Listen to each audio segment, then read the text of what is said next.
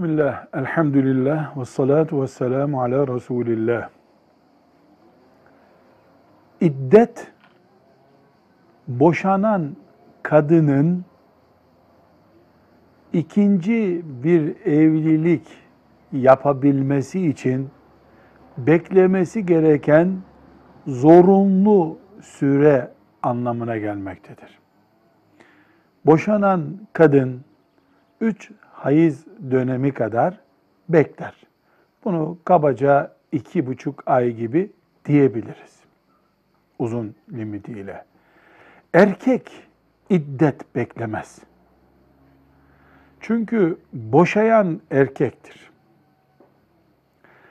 Bu sebeple erkek iddet bekler mi diye sorulduğunda erkek iddet beklemez deriz. Ama erkeğin boşadığı karısının iddetini beklemesi gereken süre olabilir. Ne gibi?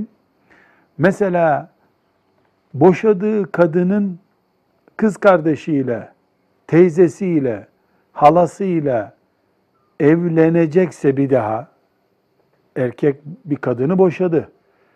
Yeni bir kadınla evlenmek istiyor. Bu kadın da boşadığı kadının kardeşi veya ablası, halası ve teyzesi ise